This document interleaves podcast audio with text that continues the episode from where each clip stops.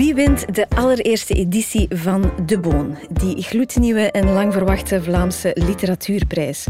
In deze nieuwe podcast van De Standaard laten wij u vijf weken lang, met de hulp van vijf gastlezers, kennismaken met alle genomineerden. Mijn naam is Guinevere Klaes en ik heet u van harte welkom bij Letteren.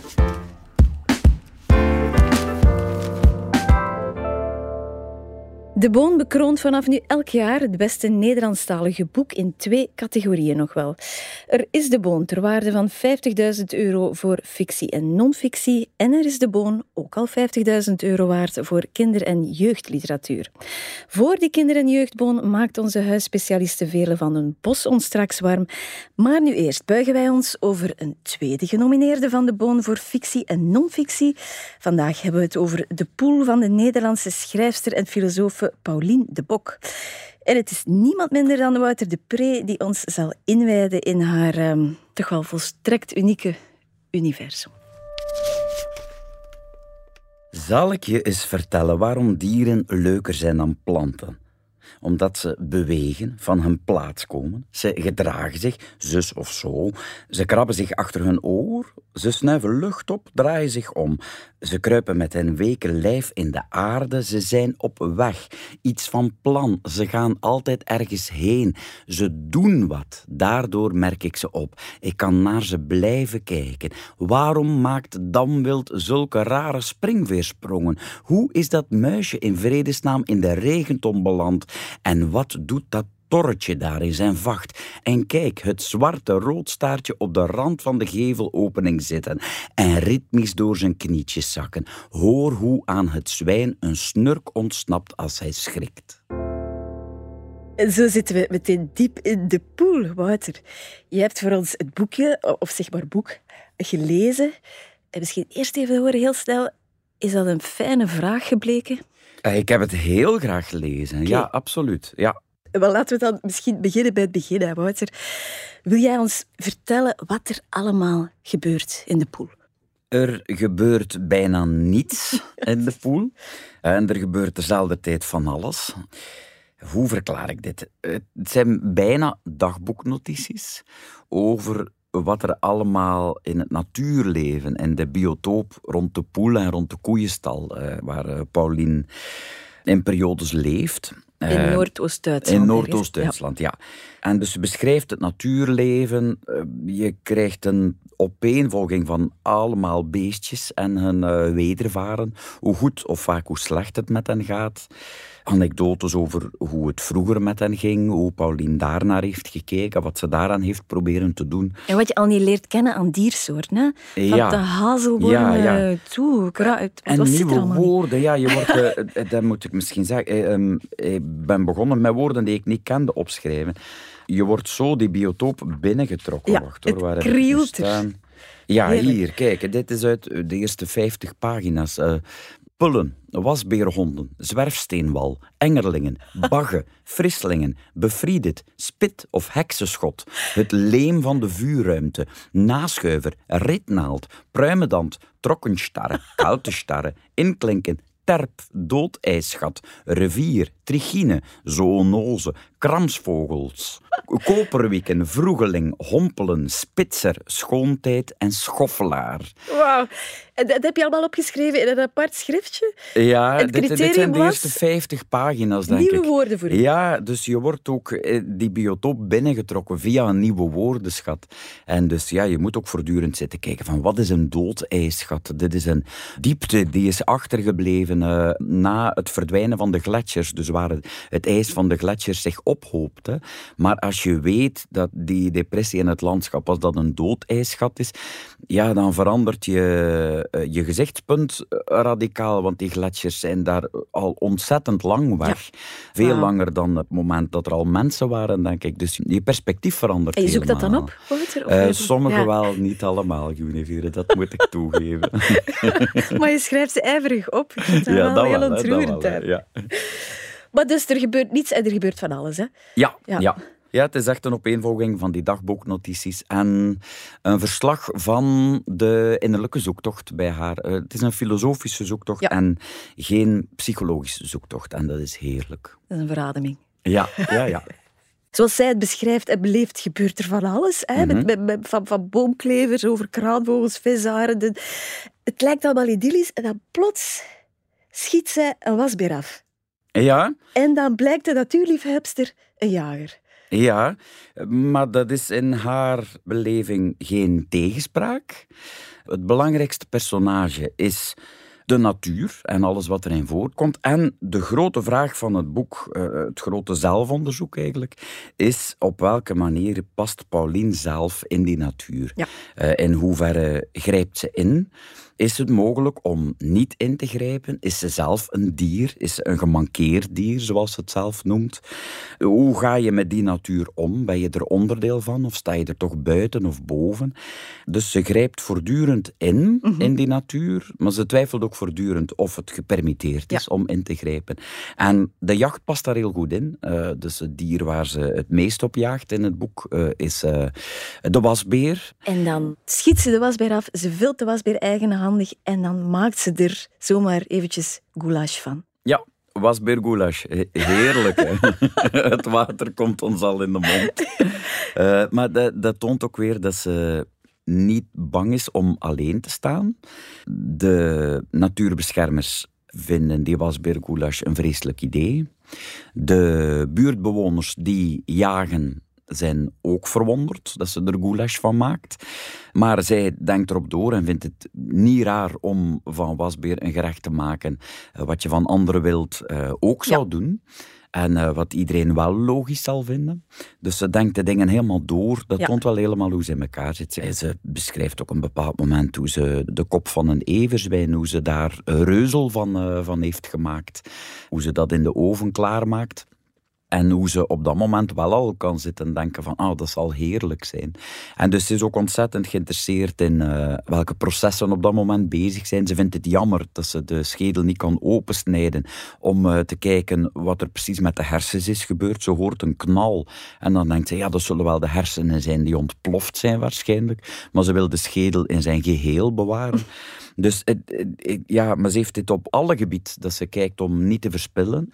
Eh, als ze een hert schiet, dan zal ze ook de ingewanden, legt ze achter de takkenwal, zodat andere dieren de ingewanden kunnen opeten, de, de, eh, de dingen die zij niet zal gebruiken. Eh, ze kijkt om de huid opnieuw te gebruiken. Eh, dus daar zit ook ja, een, een mentaliteit in om alles helemaal te gebruiken. Als het dier dood is, verdient het ook totale aandacht, beschrijft ze. Dus dan is ze een aantal dagen daarmee bezig. Het is Dus- heel consequent. Hè, ja, ze is doet, heel ja. consequent. Ja, ja. Dat is ook iets dat bijna als tegengesteld aan onze tijd eh, voelt. Dat ze ja, die totale aandacht geeft aan, aan natuur om planten en dieren te beschermen. Mhm. Eh, maar evengoed als een dier zal schieten, ook de manier waarop ze ze schiet. Mhm. Ze wordt weker door de jaren. Ze vindt het moeilijker om te schieten. Maar dan zal ze ook zichzelf toespreken in haar manier van denken, zeggen van dit is sentimentalistisch en ik moet het nu wel doen. Maar ze zal ook nadenken over hoe schiet ik het dier zonder dat het dier pijn heeft. Dus ja, en alles heel consequent, met volle aandacht. Dat beschrijft ze ook mooi, vind ik. Elke keer als ze op het punt staat om te knallen, om te schieten, Mhm. twijfelt ze. Dus ze Mhm, moet zichzelf mhm. altijd streng toespreken en zeggen van kom aan, niet sentimenteel doen, niet flauw doen. Gewoon... Ja. Dus het is geen, het is geen stoere bedoel, want onder de jagers heb je natuurlijk verschillende groepen. Hè. Je hebt ook de Ja, patsers. Hè, die, ja. die, en zij is het beu om zich altijd te moeten verantwoorden voor die ene groep. Want zij zegt ergens in een interview, zei ze, jagen is kleur bekennen. Want wij zijn als mens ook predators en wij leven is doden. Dat vind ik wel sterk. Ja, eh, dat, dat, dat is sterk op voorwaarde dat je heel goed weet hoe je, Exact. hoe je moet doden. Eh, maar dat is niet verschillend van eh, kippen houden op een, op een dierwaardige manier en die zelf slachten. Dan is het ook heel belangrijk dat je weet hoe je dat precies doet. Heb jij ooit zelf een dier geslacht? Ja, ik heb vroeger mijn vader geholpen met kippenslachten. Dus eh, ja, dat was bij ons thuis was dat, was dat zeker aan de hand. Dus ik begrijp heel hard wat ze, eh, wat ze vertelt over dat het belangrijk is om daar dichtbij te staan. En haar leven zoals ze die beschrijft, zou je daarin kunnen vinden? Ehm, het is een heel eh, eenzaam leven. Ja, absoluut. Ehm, waar, ze, waar ze zelf bewust naar op zoek gaat, denk ik. Het voelt helemaal niet eenzaam. Maar dat is Ehm, inderdaad de kracht, hè? het voelt ja, eenzaam. Hè? Maar er gebeurt niets, ze is daar helemaal alleen. Hè? Ja, het is de, de aandacht waarmee ze kijkt, denk ik. Wordt dat soms omschreven als een flow? Hè? Eh, Mhm. een, een, eh, een, een aandacht waarin je helemaal zit, helemaal opgeslorpt eh, zit. Ze is met een groot onderzoek bezig. Het onderzoek naar hoe, hoe past ze zelf in die natuur. Wat is de invloed van de mens op natuur? Ze denkt dat die heel groot is. Mhm. Maar ze is voorbij een paniek daarover. Misschien is dat ook omdat ze, ik denk dat ze de 60 voorbij is. Mhm. Ze beschrijft ook ergens dat ze zelf al vrede heeft met het feit dat ze een sterfelijk wezen is.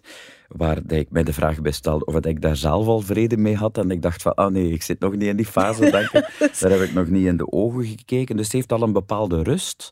Eh, maar dat maakt het daarom niet rustgevend, eh, wat ze erover zegt. om, omdat het eerder is dat ze haar eigen onbeduidendheid in de, Ja. in de ogen kan kijken. En dat wil misschien wel zeggen dat wat er aan de hand is nog onrustwekkender is dan dat je soms geneigd zou zijn om te denken. Ze is ook voorbij het punt eh, dat ze gelooft dat de mens als soort hetgeen wat die heeft veroorzaakt ook zelf eenvoudig kan oplossen. Ja, daar is ze voorbij inderdaad. Hè? De redding voorbij, dat zegt zij dus ja, letterlijk. Hè? ja, maar tezelfde tijd heeft ze ook... Ze gelooft in wetenschap, maar de conclusie die wetenschap maar kan trekken, dus wat we maar weten, doet daar ook meer en meer inzien. Eh, dat Ja. we nog maar heel weinig weten, Ja. dus dat het ook heel moeilijk wordt om oplossingen te vinden. Want het centrale dramatische gegeven, Wouter, is de poel. Hè? Mhm. Daar hebben we het eigenlijk niet over gehad. Dus er, is, er is een poel op het landgoed en dat staat droog. En dat Ja. is eigenlijk het vertrekpunt van shit. Ja, ja, Klimaatopwarming. Ja. Zichtbaar, heel concreet voelbaar. De poel staat droog, bron Ja. van alle leven op het landgoed.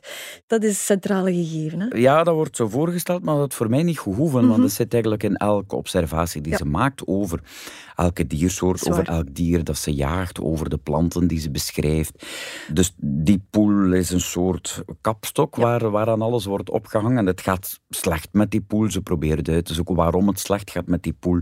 Dat is een, een boeiende zoektocht. Ze gaat bij de instanties eh, kijken of er drainagebuizen liggen. Dus, eh, onderzoekt de grondsoorten, eh, het leem van de poel, dat eigenlijk het water zou moeten ophouden. Dus blijkbaar, hoe was het? Schroemf, Sprechnung, denk ik dat het was. Dus het, het, het leem is gekrompen. Ja, fantastisch Ehm, en dus de poel is lek. En ehm, ja, het enige dat kan helpen is een strenge winter met een trage dooi. Dat zal dat leem weer uittrekken en laten, laten aansluiten. En vanaf dan zou de poel weer water kunnen ophouden. Maar terzelfde tijd ja, weet ze niet waar het precies door komt. Mhm. Weet ze ook niet precies wat de oplossing zou kunnen zijn. Eh, er hangt de, gewoon ja, de, eh, die doem over van eh, er is iets fundamenteel aan het veranderen. Mhm. En ze haalt voortdurend dingen aan die aantonen dat er fundamentele veranderingen zijn. Maar dan staat de poel een bepaald moment ook weer vol. Is dat een teken Ja. van hoop? Dat weten we eigenlijk ook niet. We weten niet of het fundamenteel weer in orde is. We weten niet welke rol we daar zelf in spelen. Ja. Ehm, en dat is die achtergrond die er voortdurend zit. Mhm. Ik had zelfs een bepaald moment het gevoel van, ah, dat is eigenlijk de uitgever die wil dat er een soort plot in zit, eh, of een soort zoektocht. En een zoektocht is dan vaak de eenvoudigste manier om te zeggen van, of, eh, ja, er is een begin en een einde. Terwijl dat misschien uit de kracht is dat er geen... Er is totaal geen plot in, hè? Nee, Dus is... nee en, Ja. en het boek is daarin ook, eh, dat voor mij daarin, dat is mijn enige punt van kritiek, het had een paar hoofdstukken korter gemogen, omdat die beschrijving van diersoorten en planten zit in, ja, zit in elke paragraaf en als je geen bioloog of ecoloog bent, dan is het veel. Dus dan, Ja. heb je, dan heb je op de duur een aantal losse anekdotes over diersoorten. Dan weet ik niet meer welke manier van bevruchten over welke diersoort gaat. eh, welke diersoort eh, vier jaar als een larve in de grond zit. En het is allemaal heel boeiend, maar het begint ook willekeurig Ja. eh, te voelen. Ja. Maar daar redt ze dan op het einde weer. Ze begint eigenlijk heel ingeleefd en heel emotioneel is niet het juiste woord, omdat het niet over stormachtige gevoelens gaat. nee, nee. Ehm, maar ze begint heel eh, ingeleefd in eh, dieren en vooral in haar zoektocht naar wat voor soort dier ben ik nu eigenlijk, Ja. tot waar kan ik jullie begrijpen, hoe hoor ik daarbij op een of andere manier en wat voor schade hebben we als soort al toegebracht. En ze eindigt daar eigenlijk ook weer mee. En daarin, dat, dat vervat eigenlijk als twee boekensteunen Ja. alles wat er, eh, wat er tussen staat. Maar dat zijn eigenlijk ook de, de mooiste passages van het boek. En zijn een, een, grote stijlbreuk met de rest, die eigenlijk zeer zakelijk of zeer filosofisch uh, zakelijk beschreven is. En daar hou ik wel heel hard van. Dat, dat is voor mij een. Um, een stijlbreuk met een modernere manier van, van schrijven, waarin het gevoelsleven vaak zo wordt onderzocht, uh, dat ik denk van ja, het, is een opeenstapeling van emotioneel wrakhout en wat moet ik hier nu uit besluiten? Of wat kan ik hier als, als medemens uh, uit leren, als dat de bedoeling van een boek zou zijn? Mhm. Maar dat heb ik graag. Ik heb graag dat ik mij Dit kan... is zeer nuchter zakelijk. Dit is zeer nuchter zakelijk. En ik kan er ook dingen uit leren. Dus ik zit met dezelfde, in, in een vroeger stadium van het leven, maar ik zit met, met gelijkaardige vragen en ze blijft toch een daadkracht behouden. Ze zingt er niet in weg in die, in die vragen. Uh, dus het leidt niet tot een verlamming, uh, wat, wat dat grote thema zeker toe zou kunnen leiden. Nee, het is, ze schrijft zoals dat ze eigenhandig het hertenkalf vilt en het eigenhandig wasbeer vilt. Ik, vind, ja. ik sta er wel uit te kijken. Ja, ja, ja ze schrijft ontzettend goed. Hè. Ja. Het, is, het is heel zuiver geschreven, het is heel zeker. Het, is, het, is, uh, het is echt van een schrijfster. Ja, zeker wel. Ja. Ik denk ook, ze is uh, vertaalster ook. Hè. Dus daar zit ook iets. En ja, dat klopt ook met die aandacht voor het métier. Um, ja, dat zit ook heel hard in dit boek. Het is zo, zo loepzuiver beschreven. Uh, met een heel rijk taalgebruik en een hele nieuwe woordenschat ook. Hè het is no nonsense en zo, zo schrijft ze ook. Ja, dus ja, haar zoektocht is ook echt van die hardheid en die vreedheid van de natuur. Moet ze erin meepakken. Ze doet dat mhm. ook. Hè. Ja. Maar uh, wat, heb jij er zelf uh, uitgehaald? Of waartoe heeft het jou geïnspireerd? Uh, het inspireert mij om met meer aandacht te kijken. Op twee vlakken. Dus om met meer aandacht te kijken naar natuur, naar omgeving, maar evengoed naar de buurt waarin je woont. Ik woon in een heel stedelijke buurt, in een heel verloederde buurt, in een heel hoopgevende buurt terzelfde tijd. Ze is eigenlijk op zoek naar de waarheid. Hè. Ja dat voelt ook als een ouderwetse zoektocht aan, maar als een heel noodzakelijke zoektocht en die vaak onder vuur ligt in uh, deze tijd. En um, haar conclusie ligt niet bij voorbaat vast. Mm -hmm. En daarin vind ik haar heel dapper. Mm -hmm. Dus het kan zijn dat die zoektocht jou tot occasionele jacht leidt, uh, zelfs. Wat dat ik niet verwacht dat het mij toe, uh, mm -hmm. toe zal leiden, maar ik respecteer wel dat dat bij haar een noodzakelijk ja. gevolg is. Dus die aandacht van kijken, uh, maar ook aandacht voor métier, ambacht, de manier waarop ze de dieren vilt. We zijn te veel over jacht aan het spreken hoor, want nee, het is, is niet zo'n groot nee, onderdeel in, uh, in dit boek. Maar ook de, de mate van ingrijpen in natuur, de manier waarop ze dat doet. Ze heeft eigenlijk een heel ecologisch gedachtegoed, maar ze kan terzelfde tijd goed om met het feit dat ze daar bijna niks in kan betekenen. En ze blijft toch haar handelingsvermogen houden. Mm -hmm. En dat is iets heel krachtigs in deze tijd, denk mm -hmm. ik. Dit is een natuurboek, Wouter, maar geen klassiek natuurboek dat zich binnen de grenzen houdt van het genre. Hè?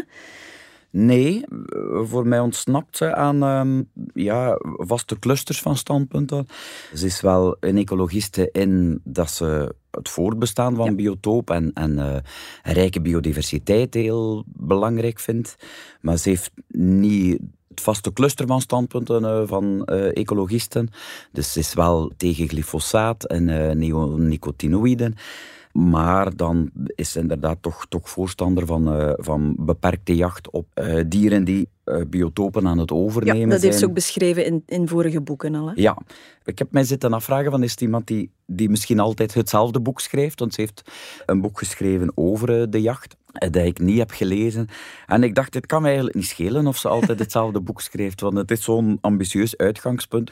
Hoe de mens zich uh, situeert in de natuur, dat is zo'n groot filosofische vraag, dat ik benieuwd ben wat daarop in volgende standpunten daarin zijn. Mm -hmm. Ik ben ook benieuwd als ze een vervolg zou schrijven over hoe gaat het nu met de poel. Uh, ben ik, ik weet dat ik, dat ik die, die poel als plot totaal onbelangrijk vind, en toch wil ik graag weten of er volgend jaar water in de poel zal staan. Dus als er een vervolg komt, dan lees je het. Ja, de pool 2 lees ik, ja. okay, super. Moet dit boek winnen, Wouter? Dat weet ik niet. Ik heb de andere boeken nee, niet gelezen. Wel, voilà. um, Waar? Ik, waarom ik zou het goed zijn dat dit boek wint? Ze heeft bewust waarover ze schrijft afgebakend. Dat is mm -hmm. uh, die twee hectare van het terrein die ze goed kent ze kent haar beperkingen, uh, mm -hmm. laat, het, laat het mij zo zeggen. En in die beperkingen is ze ontzettend ambitieus. Ja. dat vind ik iets heel moois. Dat haalt het uh, apocalyptische uh, eruit.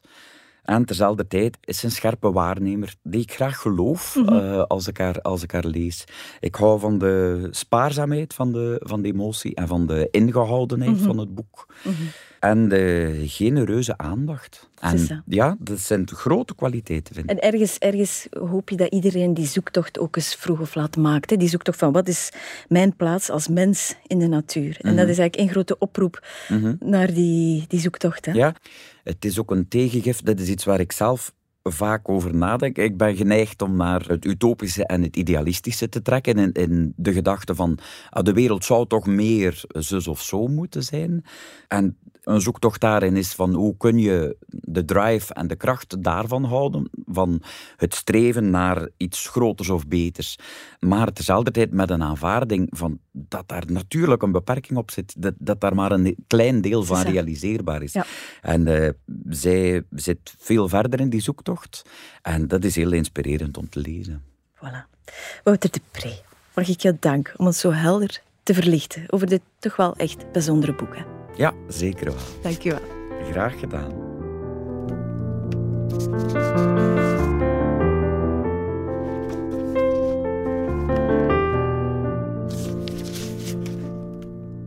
En dan gaan we nu tijd maken voor de Boon voor kinder- en jeugdliteratuur. Onze collega en specialist Vele van den Bos die zal u in deze aflevering meenemen naar het boek Lennox en de Gouden Sikkel. Binnenkort wilde Lennox graag dapper worden. En het liefst zo snel mogelijk. Daar was hij nu wel aan toe. Voor een jongen die nog niet dapper was, zag Lennox er gelukkig wel behoorlijk cool uit. Hij had helderbruine ogen, kort haar dat zijn moeder in de badkamer millimeterde zodra je het kon vastpakken en altijd een scheef lachje op zijn gezicht. Sinds zijn elfde verjaardag was hij de trotse eigenaar van nieuwe sneakers. Groene, met zolen oranje als vlammen. Als er een vlekje op zat, poetste hij ze met een oude tandenborstel weer schoon. Het liefst dezelfde dag nog. Dit was een fragmentje uit Lennox en de Gouden Sikkel. is een boek van Zinzi Zevenbergen, geïllustreerd door uh, Brian Elstak en Hedy Chin. Lennox en de Gouden Sikkel is een debuut en daar zit ook een vleugje magie in, maar dan van een meer psychologische soort. Lennox is een jongen van 9 à 10 jaar en hij is een beetje bang uitgevallen. Hij gruwelt van kronkelende regenwormen bijvoorbeeld, of van de starende blik van de buurvrouw, of van politie- en brandweersirenes. Maar gelukkig voor Lennox heeft hij een vriendinnetje, zijn buurmeisje Aya, en die durft wel veel, maar soms zelfs een beetje te veel naar zijn zin. Zoals bijvoorbeeld het paswoord van de computer van zijn vader kraken. Al doen ze dat wel voor een goede zaak. Want Lennox' vader heeft een onzichtbare ziekte, waarvoor hij geregeld naar een onzichtbare ziekenhuis moet aan de andere kant van de stad. Nu, daar is hij nu weer naartoe, maar hij is zijn onmisbare talisman verloren. Hij heeft een gouden hangertje met een gouden sikkeltje. En die heeft hij gekregen van zijn vader, die het dan ook weer van zijn vader had. Lennox vindt dat sikkeltje thuis op het tapijt en wil het naar zijn vader brengen in het onzichtbare ziekenhuis, ook al is hij bang voor ziekenhuizen. Dus het wordt een heel avontuurlijke tocht samen met Aya naar de andere kant van de stad. En ze komen een boze busconducteur tegen, een goudzoeker, annex gauwdief, uh, die het op het hangertje uh, begrepen heeft natuurlijk. Hè. En ook een, een enorme bloemenwei die boven hem uittorent en waar hij bijna moet doorwaden als door een jungle. Nu, dat ziekenhuis, als hij dat te zien krijgt, het oogt eerst als een veredelde bouwkeet, maar naarmate hij meer te weten komt over die ziekte van zijn vader, wordt dat ziekenhuis steeds groter letterlijk. Dus hij loopt in een gang en die schuift uit als de steel van een selfie-stick. Of de muren van de spreekkamer van de dokter beginnen te verschuiven en die spreekkamer wordt groter. Dus als hij daar buiten loopt, is dat ziekenhuis echt een mastodont van tien verdiepingen. En ook hij zelf verandert van uitzicht. Op het eind ziet hij eruit als een jongen die dapper geworden is. Alhoewel, schrijft Zinzi Zevenbergen, misschien kon je dat eigenlijk helemaal niet zien, alleen maar als je het wist. En daarmee raakt ze eigenlijk het belangrijkste thema van het boek, en dat is mensen met ziekelziekte, Dat is een, een, een, ziekte. Mensen die dat hebben, hebben bloedcellen die sikkelvormig zijn, waardoor die in de bloedbaan overal blijven aan vasthaken. Maar aan de buitenkant van die mensen kun je helemaal niet zien uh, dat ze ziek zijn. Zoals je ook aan de buitenkant van mensen niet kunt zien of ze dapper of bang zijn. Dus je kunt van buiten ook niet zien hoe mensen van binnen zijn. Lennox en de Gouden Sikkel, dat moet ik ook nog wel even vermelden, is heel bijzonder vormgegeven. Er werkten niet één, maar wel uh, twee illustratoren aan mee. En die hebben alle twee een heel andere stijl. Hedy Chin die maakte heel expressieve beelden in uitbundige kleuren met viltstift. En Brian Elstak maakt meer gedetailleerde illustraties met pen en zachtere aquareltinten. En soms worden die beelden ook in elkaar geschoven. En dat geeft een heel uh, bijzonder effect. Dat is een mooie combinatie die een beetje het effect heeft van een graphic novel uh, bij momenten. En de tekst die loopt ook niet altijd mooi van boven naar onder, maar die loopt soms schuin of die is een kwartslag gedraaid, waardoor je dus eigenlijk het boek moet draaien om het te kunnen lezen. Een beetje eigenlijk zoals Lennox zelf zijn weg zoekt in de grote mensenwereld. Dus een heel mooi debuut, uh, vind ik, met een uh, heel mooi en origineel uitgewerkte beeldspraak hoe meer je weet, hoe groter je wereld wordt. En daarmee zijn wij klaar met de tweede aflevering van onze podcast Letteren. Mocht u na deze gloedvolle pleidooien de aandrang voelen om uw stem te laten horen, surf dan zeker naar www.standaard.be-de-boon en beslis mee wie de publieksprijs wint. Volgende week zijn wij er weer. Dan komt Rebecca de Wit ons vertellen over Jaguarman van Raoul de Jong heel graag tot dan!